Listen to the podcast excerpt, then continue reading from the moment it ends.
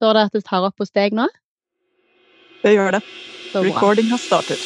Oh, I got monsters in my head, but you chase them away, chase them away, chase them away. Hei, Hei. og velkommen til Stemonster. I dag så klyper vi oss bitte litt i armen. Oh yes, det gjør vi. Mm, for nå har vi med oss selveste Hedvig Montgomery. Hei til deg. Hei, og hyggelig å få være med. Veldig kjekt at du er her. I, eh, altså, for dere som eh, ikke kjenner til Hedvig, så er Hedvig da eh, psykolog og med spesialisering innen par- og familieterapi. Hun eh, har dere kanskje sett på TV eller hørt i podcaster, eller lest en av de kjempegode bøkene hennes eh, i serien Foreldremagi. Eh, Det er en podkast òg med navnet Foreldremagi. ja, stemmer det. Som sikkert òg mange i Aften Nå har jeg lyst til å si Bladet, for jeg bor i Stavanger-området, men Aftenposten. Aften, ja, Ja. stemmer. Så eh, du er jo godt bevandra i foreldrelandskap. Dette er jo de virkelig Du er virkelig Norges eh, gullskatt på dette. Ja, nå føler jeg vi har A-kjendisen på dette temaet Ja. på besøk. Så nå er det Dette er stas. Dette er veldig stas. Tusen takk. Da må jeg bare si at jeg ble kjempeglad da jeg fikk spørsmålet. For er det én ting som er viktig for barn, så er det å få nyfamilien til å fungere. Nemlig. Ja. Og det må jeg jo bare si òg, for at, at eh, jeg har en litt sånn tilnærming til dette med å spørre folk med sånn Uff, jeg har ingenting å tape.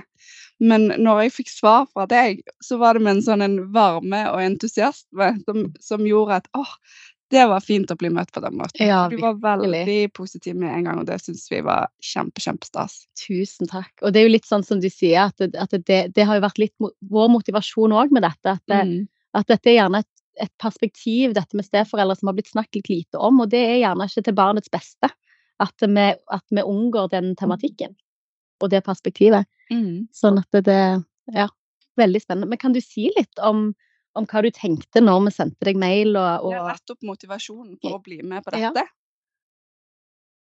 Ja, altså, det er jo én ting man faktisk har snakket lite om, eller kanskje til og med løyet litt grann om, og det er at det går så bra med skilsmissebarna, og akkurat når man skiller seg selv, så har man jo lyst til å tenke det. Og så er det sant på et vis, det går veldig bra med skilsmissebarna dersom foreldrene gjør de riktige tingene. Nemlig. Og et av de punktene som handler om å gjøre de riktige tingene, er nettopp å få inn den som ikke har eh, holdt barnet når det var baby, ikke hatt det på brystet når det var nyfødt. En av de som kommer inn og får en fiks ferdig treåring i trass, eller femåring som spør om absolutt allting og føler seg fri til å spørre om hva som helst. Mm. Eller som får en fiks ferdig tiåring inn som ikke tåler noe kritikk uten å gå helt i svart. Eller som får en helt nyutsprungen, kvisefull tenåring som stenger seg inne på bordet på rommet sitt og hater alle. Altså, det er så vanskelig å være den personen inn, og være det på en positiv måte. Og så vet vi at når den personen kommer inn og får det til på en positiv måte, så sitter det altså som gull i hjertet. Det sitter som kjærlighet i hjertet til dette barnet. Det er med på å forme barnet til et fint menneske. Og dessverre også det motsatte. Der hvor det blir for vanskelig å komme inn som en ny voksen og gjøre dette på en varm måte, så blir det noen ting som sitter som sår i dette mennesket, det som etter hvert blir en voksen, Mm. og som handler om tilliten til andre, som handler om troen på seg selv, som handler om håpet om å bli forstått og møtt. Så dette Mm. punktet Vi snakker så lite om det, og så er det så mange barn som opplever det som kjempeviktig. Steforelderen blir ikke liksom sett på som så viktig som det eller han eller hun faktisk er for barna. Nei, Nå det er jo grine nesten. Ja. Ja, for dette er både Nå følte jeg meg veldig Møtt og forstått. som, som steforelder, men, men òg Nå er vi inne i kjernen av motivasjonen vår for å gjøre dette. Eh, og vi har jo snakket litt om nettopp det med, med at eh, og fokus på, på parforhold og fokus på, på bonusfamilien, at eh, du har sagt at det liksom har vært ekstra viktig. Mm. Og så har jeg vært sånn nei, alle par og alle familier er viktige, men så har du sagt ja, men det blir jo enda et brudd, og det er enda en sårbarhet, og det er enda og da, Så vi har ikke egentlig krangla om det, men vi har bare blitt veldig enige om at At jeg hadde rett. ja. Faktisk, jeg innrømmer det gjerne. Men det er em, nettopp det med Og det var det jeg skrev òg når vi tok kontakt, dette med at dette er underkommunisert Mm. eh, og, og har ikke blitt viet nok plass. Eh, og, det har vært, og- og det er nok med på å bidra til at en del steforeldre føler seg litt sånn misforstått, og de føler på skam i forhold til mye av følelsene de bærer på, og, og det hjelper jo ingen. Nei, de, de vet jo veldig ofte hva som Altså, man vet jo ofte hva som er barnets beste, men, men, eh, men man klarer ikke gjennomføre det fordi at man er så presset opp i et hjørne. Man har så lite handlingsrom, føler man. Sånn at veldig mange gode, fine mennesker eh, identifiserer seg litt med tittelen vår, da, som er 'Stemonster'. Sant? At man, man finner, kommer veldig i kontakt med sitt eget monster. Og det er jo veldig vondt for den som er monsteret, og så er det jo veldig vondt for de barna. Mm. Og det er jo virkelig et, både et privilegium, men også et utrolig stort ansvar å tre inn i et barns liv. Ja. Eh, Em, i, I møte med altså For du har jo òg en praksis, sant? Uh, um, og du treffer uh, har, er, du ennå i liksom veiledning med par masse? Med Å ja, det kan, det kan jeg love. Jeg Ja. tror at det er en av de største tabbene å gjøre som ekspert. Det er å slutte å ha begge hendene uh, der hvor det skjer. Ja. For til slutt så blir jo kunnskapen din helt utdatert. Eh, og dette endrer seg hele tiden. Mm. Dessuten så må jeg bare si at eh, jeg syns jo det er gøy å holde foredrag og skrive og formidle, men jeg syns det er enda morsommere å ha terapi. Ja. Så jeg kan jo ikke slutte med det som er morsomst. Nei. Eh, Så, så det, det er helt uaktuelt å slutte med. Så ja, jeg sitter med mange familier i veldig mange forskjellige konstellasjoner. Mm. Alt fra den klassiske kjernefamilien med mamma, pappa, barn, som blir litt liten, eh, til den nærmest eh, mosaikkfamilien hvor det er mye nye partnere med hver sine kull barn inn fra tidligere, faktisk kanskje til og med flere kull. Så til slutt så sitter man der og tegner et familiekart som tar hele arket, eh, og hvor dine, mine, våre barn er Det involverer så mange voksne, så mange besteforeldresett, så mange stemmer Mm. inn for å få denne ene familien til å fungere, at eh, vi virkelig må sortere for å skjønne Mm. hvilke stemmer er viktige, hvilke blir lyttet til, hvilke er trøst, hvilke er støy. Fordi Mm. det blir så massivt mye. Ja. Så jeg, jeg føler av og til at jeg sitter med alt fra de som det er helt stille i, og vi må liksom må jobbe frem stemmene, til de hvor vi bare må sortere for å få en slags dagsorden, sånn at de ikke skal drukne i sine egne stemmer. Mm. Absolutt. Eh, hva i de, nå er det jo ut fra alle disse stemmene, så får vi snakke ofte om at eh, noe av det som kompliserer denne type familie, er jo at det er så mange toleransevinduer å forholde seg til. sant? Og som du sier, mange stemmer.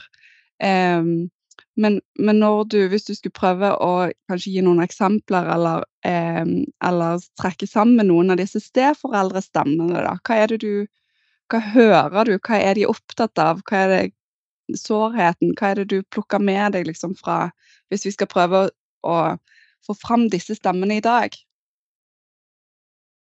Altså det å finne kjærligheten på andre eller tredje, eller for den delen fjerde forsøk, det er jo en helt fantastisk ting. Mm. Eh, Så den Jeg tror at den opplevelsen av at kjærlighet er viktigere, øker med årene. Investeringen øker med årene. Man vet hva smerte er, og man vet også at det er vanskeligere og vanskeligere å finne noen. Så jeg merker jo at alle nyfamilier som kommer til meg, enten de har vært kort eller lenge sammen, men det er jo det er en egen intensitet i det å få en andre sjanse, Mm. som, som ligger fint hos alle sammen. Mm. Eh, og så er det noen ting med dette her med at du kommer inn, og så må du forholde deg til hele den andre personens historie fordi det finnes et barn der. Mm. Hvordan ekspartneren, din forgjenger faktisk, mm, lagde kveldsmat, hadde leggetider, hvordan din forgjenger brettet tøy. Plutselig blir sånne små hverdagsdetaljer blir noen ting som blir stukket i på en helt annen måte. Og så er vi mennesker laget med en følelse som er for å ta vare på det som er fint fellesskap. Så egentlig er det en ganske nyttig følelse, nemlig sjalusi. Mm. Det er bare det at når sjalusi tar for mye plass og begynner å styre hva du gjør og hva du tenker, så blir det en destruktiv kraft. Vi er laget for å kjenne på litt sjalusi på den som var der før oss, og spesielt kvinner. Vi er, kvinner er verst altså på det å være litt sånn eiegode på dette, men også mange menn sliter virkelig med dette her med å tåle hele historien og disse små prikkingene som ligger i at Mm. det alltid er en annen person du skal forholde deg til. Mm. Og jeg syns, jeg syns det er viktig å si det sånn, fordi det er så mange da som skammer seg sånn fordi de kjenner på den sjalusien. Så de kan, klarer ikke engang å sette ord på den. For sjalusi, sjalu skal jo i hvert fall ikke være på, på barnemor eller barnefar. Det er en veldig tabu følelse, det. Mm. Åh, Men det er altså så menneskelig. Og jeg tenker av og til at skal vi klare å håndtere den sjalusien, som er et veldig kraftig tema inn i de Mm. fleste nye familier, så må vi nesten våge å snakke om den. Og si, vet du hva, Mm. det er helt vanlig. Det er helt ok, og jeg skjønner det. Det er irriterende når det kommer en femåring og påpeker at du bretter glasshåndklærne på en annen måte enn det mamma gjør. Det er liksom vanskelig å, å ta det og si 'å ja, gjør hun det?' Ja. Mm. Selv om du vet med hodet at men det er tenker du at den valideringen bør komme fra partner, da? At, det, at de, de som de som har satt oss i denne posisjonen, at det er de som må ta ansvar for den valideringen da, eller? Eller tenker du det er en validering man gir seg sjøl? Eh, Jeg tror at noe av det som gjør dette så vanskelig, det er at hver gang du får trykket på en sånn automatisk knapp, og sjalusi er en automatisk knapp, altså jeg lover den er nesten selvutløsende, så blir du litt Det er nesten litt for sent når knappen er trykket ned for andre å komme til å gjøre noe særlig forskjell. Så selv om da den nye partneren kommer til og sier 'Å ja, men det finnes mange måter å brette på', så er det litt Mm. for sent. Altså skaden er allerede gjort. Mm. Så det er du som nypartner din som får en ekstra jobb med å skjønne hvor de knappene ligger, og når de blir presset på å tenke hm, det var den Mm. knappen, og den vet jeg jo egentlig at den ikke er så viktig. Mm. Og vi pleier å si andre i din situasjon ville kjent på det samme. At hun skal ha sånn selvtrøst, selvmedfølelse. Men jeg, jeg syns egentlig det var litt befriende at du nå snakker om det som sjalusi. Mm. Fordi at um, det er jo noe som man kanskje ikke alltid vil um, erkjenne at det er det jeg holder på med nå. For det òg er så mye skam eh, at man kan kalle det for at du kanskje kjenner det mer som en sånn type irritasjon mot barnet, og Mm. barnet tester meg, og barnet Og at du legger det på noe annet. Kan du kjenne det igjen? Mm. Og det er også klart at altså, det finnes så mange måter å oppdra barn på. Eh, Nå har jeg jobbet i 25 år, og jeg finner hele tiden nye måter å håndtere barn og situasjoner på som fungerer kjempefint. Det finnes en liten håndfull helt feile måter å gjøre ting på, men på hver feile ting så finnes det mange tusen riktige ting. Mm. Det er bare det at det kjennes alltid ut som om min måte er den eneste riktige. Og det er veldig veldig rart. Det kommer selvfølgelig fra hvordan du selv er oppdratt, hva slags kultur du kommer fra, hva, hva slags familie du selv kommer fra, hva du selv har tenkt i voksen alder, hva du har sett, hvordan du har oppdratt dine egne barn. Altså dette, dette formes jo som en elv. Og så plutselig kommer det en helt annen elv ved siden av. Eh, som gjør det på en annen måte. Sånn at i enhver situasjon hvor det plutselig kommer inn et nytt menneske i en sånn pågående barneoppdragelsesflow, Mm. så vil man jo si at vet du hva, jeg syns du lar henne styre altfor mye, sier Mm. du Mm. til partneren din. Eller vet du hva, jeg syns faktisk at du må sette ned foten litt oftere. Eller vet du hva, jeg syns faktisk at det der med som du er så opptatt av med, med kosthold, jeg syns du skal være litt largere, for hvis ikke så får du bare altså, Mm. Vi kommer inn med sånne. Og så er det slik at det er faktisk ganske nyttig. Egentlig. Mm. Å snakke om barneoppdragelse som ikke bare én sannhet, men noen ting som man kan forme litt. Grann. Men når det blir en kamp om hvordan det skal gjøres, da slutter det å være nyttig igjen. Når det Ja, det- sånn Ja, takk. Det, det som eh, vi opplever, er jo en ting er på en måte de to elvene som, som flyter i det ene huset. Men det vi ofte eh, har en del lyttere som, som skriver inn til oss, er jo når det er tre elver, og gjerne fire. Og, og den avmakten mange opplever med En ting er på en måte de kampene som kan skje mellom, mellom en steforelder og partner, der en, en, en bryner seg på hverandre og utfordrer hverandre. og og gjerne litt sånn som du sier, kanskje faktisk òg utvide perspektivet til hverandre. Eh, til barnets beste. Men, men, så ser vi når det kommer en tredje og fjerde part inn, som òg som regel er der, da, eh, så, så, opplever veldig mange en sånn avmakt, for den har de ikke tilgang på. De får ikke være med. De, ikke, de har ikke et uh, sete ved det bordet, på en måte. Eh, og, og hva kan man gjøre da? Hva tenker du er klokt da? Altså, veldig mye av det folk kommer med hit, er det som jeg opplever som overgangsproblemer. Det vil si at når barna kommer fra den andre forelderen, så er de første dagene faktisk ganske ruglete.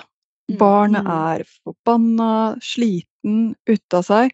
Og det blir veldig lett sånn at man sier ja, men du vet at hos pappa så legger hun seg alltid altfor sent. Eller man sier ja, men du vet at hos mamma så er det jo slik at det er jo ingen grenser på sjokopopsene.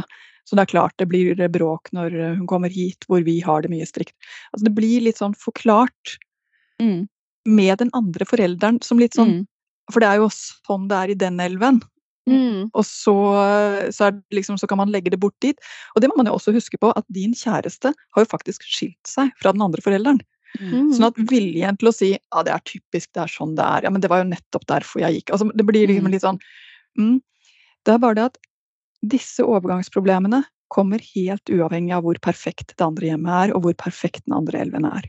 Fordi at Mm. for barna, og spesielt når vi kommer opp til barn i skolealder, så er denne vekslingen mellom to hjem i seg selv slitsom.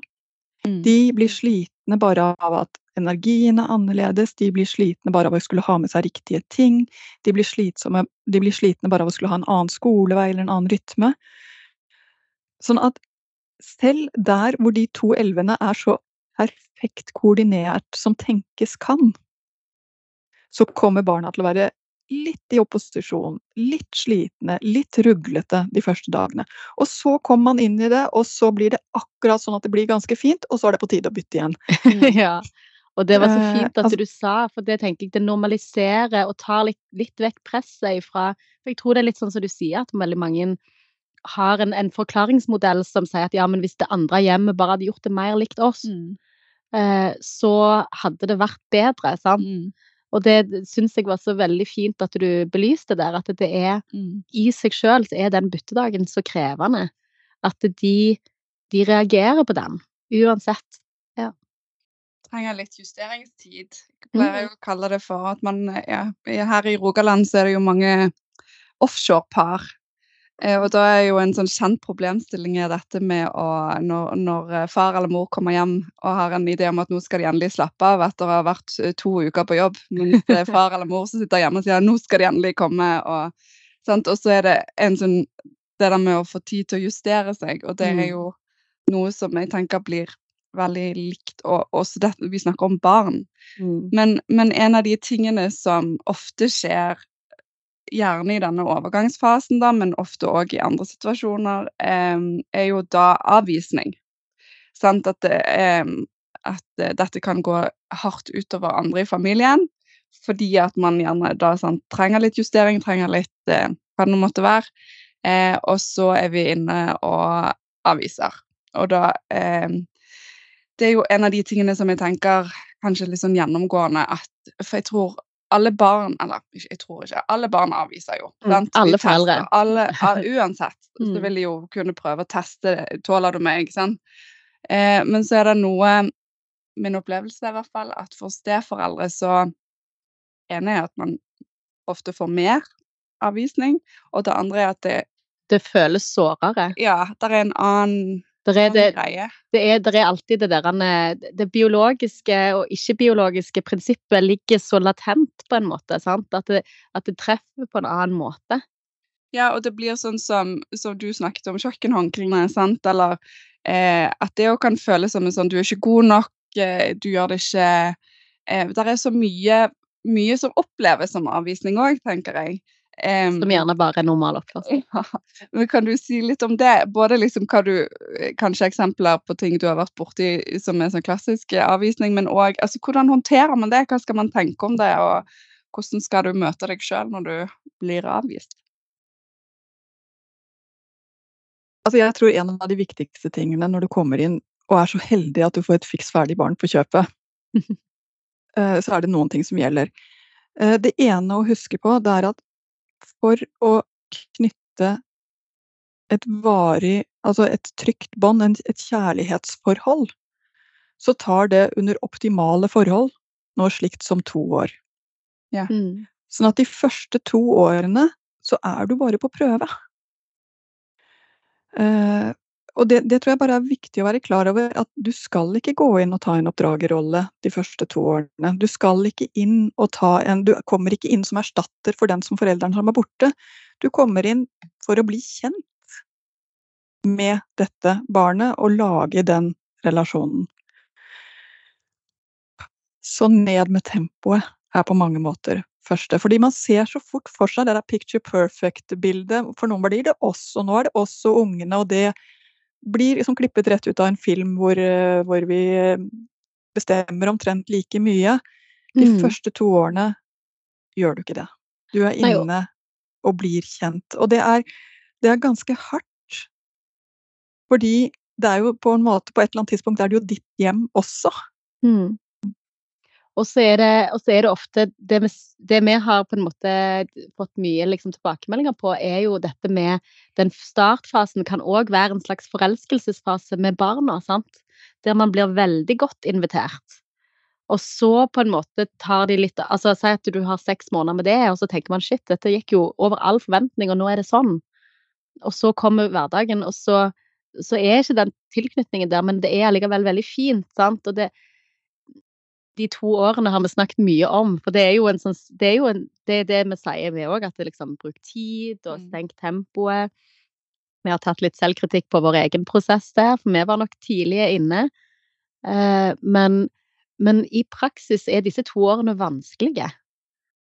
Fordi at, det, fordi at det er sånn, sånn som du sier, det er mitt hjem, og det er ditt hjem, og det er Hva gjør man? Skal man rope på partner og si at du, nå er det noe på kjøkkenet her, kan du komme og ta det? Ja, vi tenker er, er eh, For vi er opptatt av nettopp det med å bruke tid, og vi snakker mye om relasjon. Mm. Eh, Og det snakker vi om når vi, vi driver foreldrekurs òg. Ja, ja. For, for alle foreldre så snakker vi om liksom eh, hvor mye har du på kontoen? sant? Mm. Kan du tåle et uttak? Og, og hvis vi tenker at steforeldre har som utgangspunkt litt sånn mindre Minus. på konto, Ja. minus. Eh, men er hvis jeg skal henge meg opp i, for denne toårsgreien er jo en sånn kjent overskrift, og så blir folk litt Steforeldre blir ofte litt sånn matt av det. Fordi at de tenker at det er det samme som at de ikke skal få kunne sette noen grenser. I hvert fall for seg sjøl. At, at det betyr at jeg skal være passiv. Eller et Eh, ja-menneske? Ja, eh, alltid bare si ja, eller alltid melde meg ut. Hva tenker du om det? Er det noe rom, handlingsrom i det? Altså, husk på at dere har tid uten barna også. Ja. Ja, altså ikke glem det, for de aller fleste så er det en realitet. Og for alle er det en realitet hvis vi tar med tiden etter at barna har sovnet også. Mm. Um, jeg tenker jo at det som er det vesentlige budskapet her, det er at det er den biolog, altså den som har tatt med seg barna inn i forholdet, som har hovedansvaret. Han Mm. eller hun får rett og slett Du må som ny partner inn omtrent som, du, omtrent som når du er i bofellesskap og du hører en diskusjon på kjøkkenet, og så tenker du å ja, de diskuterer. Du løper ikke til for å si sånn kan man ikke diskutere. Mm. Tenk litt grann sånn på det når du kommer inn som partner. Det handler om å bygge kjærlighet med den voksne du har truffet. Det tar tid. Og så handler det om å bli kjent med de barna som kommer med inn, og det tar tid. Og når du skal bli kjent med noen, om det er en annen voksen eller om det er et barn altså du, du løper jo ikke til og korrigerer når du prøver å bli kjent med noen. Den korreksjonen er noe som kommer når man er blitt trygge på hverandre, når man merker at det er noen som er interessert i rådene dine. Generelt er det å gi råd til folk som ikke vil ha råd, en helt elendig idé for både barn og voksne. Men vi har laget oss en idé om at voksne alltid skal kunne irettesette og gi råd til barn, Mm. og det stemmer ikke. Barn er akkurat som voksne, de tar imot råd fra folk de stoler på og har lyst til å høre på, og når de er åpne for det. Så det å finne denne rytmen, det er jo det som tar litt tid, og også det å vise at du har noe å komme med. Og det betyr at jeg tror man skal tenke omtrent slik på det. Når du hører at barna er vanskelig ved leggetid, så er det noe som den andre forelderen må fikse, ikke Mm. du. Du kan rett og slett eh, tenke 'jeg går og leser bok'. Jeg husker da jeg flyttet sammen med mannen i mitt liv, med en eh, fiks ferdig tolvåring fra min side inn i, i forholdet. Så spurte jeg mannen min, fordi han er flinkere til en del ting, f.eks. matte enn jeg, og sa 'kan du ikke gjøre lekser med han?' Og mannen min var mye smartere enn meg. Han sa 'vet du hva, det kan jeg ikke'. Du må gjøre lekser, fordi den tilliten har ikke jeg, som kommer utenfra, til at jeg kan eh, sitte og, og gjøre det med han. For en mann, ikke sant? Mm. Ja, det Så han er sterkt. Han sa så tydelig det der der, det er å be meg om feil ting. Ja. Mm. Men jeg kan kjøre ham når han skal på noen kamper eller noe langt borte. Det går helt fint. Men ikke sett meg allerede nå inn i situasjoner som krever at jeg bruker en autoritet som jeg ennå ikke har. Mm. Og jeg tenker det er litt grann det det handler om. Ikke sett deg selv i situasjoner hvor du må bruke en autoritet som du ikke har. Mm. Fordi da blir du unyttig. Da får du irettesettelser som ligger oppe i, i den pipenivået, og som Mm. ikke føles troverdige, fordi du er ikke ennå i den kontakten at du kan gi råd, kan gi rammer. Det må den andre forelderen ta. Og det er mye, mye hardere mot den andre forelderen enn det egentlig er mot den nye partneren din. Og ofte er det jo der misforståelsen ligger. At den forelderen som tar med seg barna inn, blir litt grann sånn 'Å, så deilig, for nå kan det komme inn noen annen, og endelig er vi to voksne'. Mm. men Mm. det blir en sånn forventning til den som kommer inn, som er altfor stor. Det kan vi kjenne igjen. Ja, det har vi òg snakket om. Det som jeg opplever som eh, en utfordring hos mange, er jo den overgangen fra disse to årene, der man liksom skal fylle på denne kontoen og lage seg en bank. Om det er to år eller halvannet år eller, eller to og et halvt, sant. Eh, men til å da liksom bli så trygg i sin rolle. Vi har snakket med en del steforeldre i podden her, eh, og en, eh, en av våre gjester han sa det så fint. Han sa at er det er en veldig sånn rolleuklarhet. Um, og når, når, man, når noe er uklart og, og litt sånn ustabilt sant? Han opplevde at han måtte sjekke ut har jeg mandat nå. Mm. Og dette var en som bare hadde vært steforeldre i, i eh, 10-15 år. Eh, så gjør jo det noe med på en måte hvor trygt man står eh, i voksenrollen, i foreldrerollen. Eh, og jeg tenker den overgangen ifra veldig sånn bygge relasjon til å faktisk tørre å være litt eh, ikke, ikke, ikke grensesettende som i autoritær, men som veiledende, som en trygg voksen, som, som eh, Ja, som en trygg voksen, da. Når begynner det å bli greit? Er det det du Ja, eller hvordan kan man gjøre den overgangen litt tryggere for foreldrene? For jeg tror foreldrene blir veldig usikre. Jeg tror de blir litt, sitter litt fast i denne her relasjonsbyggingsperioden. Og blir litt det første- av det. For det første, du blir aldri biologisk forelder. Eh, den gode nyheten er, eller dårlige er at vi finner akkurat de samme problemstillingene der hvor det er fosterbarn inne i bildet. Mm, ja.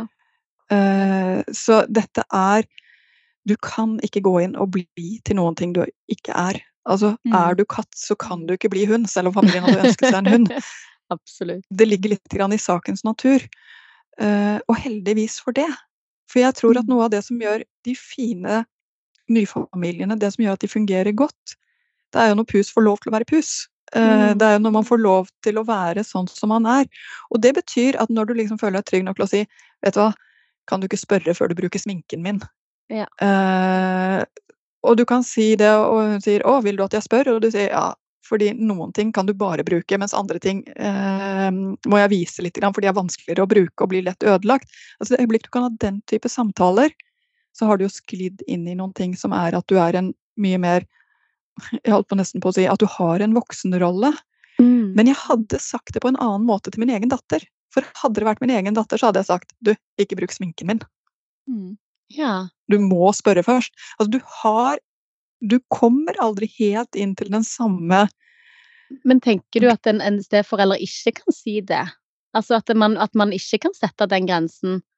Må det være fri tilgang på frisørsjampoen og sminken og Nei, så jeg sa du må sette den på en annen måte. Ja. Du må komme inn på en helt annen måte og si Du spør meg først, Ja. uh, istedenfor å si du kan ikke. Mm. ja. Ja. Du må hele tiden sjekke ut at den andre er eh, ja, altså du, må, du må bruke litt grann mer tid. Du kan være kjappere med dine egne biologiske barn enn det du kan når du får, er så Mm, heldig at du ja. får låne andres. Du kan så være litt det tar- bråere. Så den der lille timelaggen må du ha med deg hele Det går ikke over. Det er ikke sånn at den, den trenger du ikke å ha etter to år. Det trenger du. Og du trenger også å snakke om den som nå er din medforelder. Akkurat sånn som man gjør når man har fått barn også. Du, nå er jeg litt bekymret for dette, eller nå ser jeg dette. Og hvis den andre da sier det der, der hadde jeg ikke tenkt så mye på, så må du i enda større grad ha ørene åpne for det. For den Mm. andre har mer informasjon som kommer fra tidligere enn det du har selv. Mm. Og veldig mange barn har med seg greier, ting de ikke tåler, måter de oppfører seg på, altså ting som, som den andre kanskje har bedre forståelse for, fordi han eller hun har sett det hele veien. Så det ene er, jeg syns ikke man skal stresse til å plutselig skulle bli en forelder, men man kommer over i et farvann hvor det er lettere å være voksen, og lettere å være sammen om det å være Og være gjerne mer naturlig òg, at man, man får en mer den type rolle fra barna, da. Ja, dette blir vel vanskelig å sette noen veldig sånn definisjon på at Mm. sånn og sånn, for det at det, man er jo avhengig av at, at eh, man føler seg fram, og at det blir naturlig. Det var alt vi rakk i denne episoden. Ja. Kjipt å stoppe, men sånn er det. Ja, og det kommer litt mer med Hedvig neste uke. Så da snakkes vi da. Det gjør vi. Ha det godt. Hei da. Oh, I got monsters in my head, chase them away, chase them away, chase them away.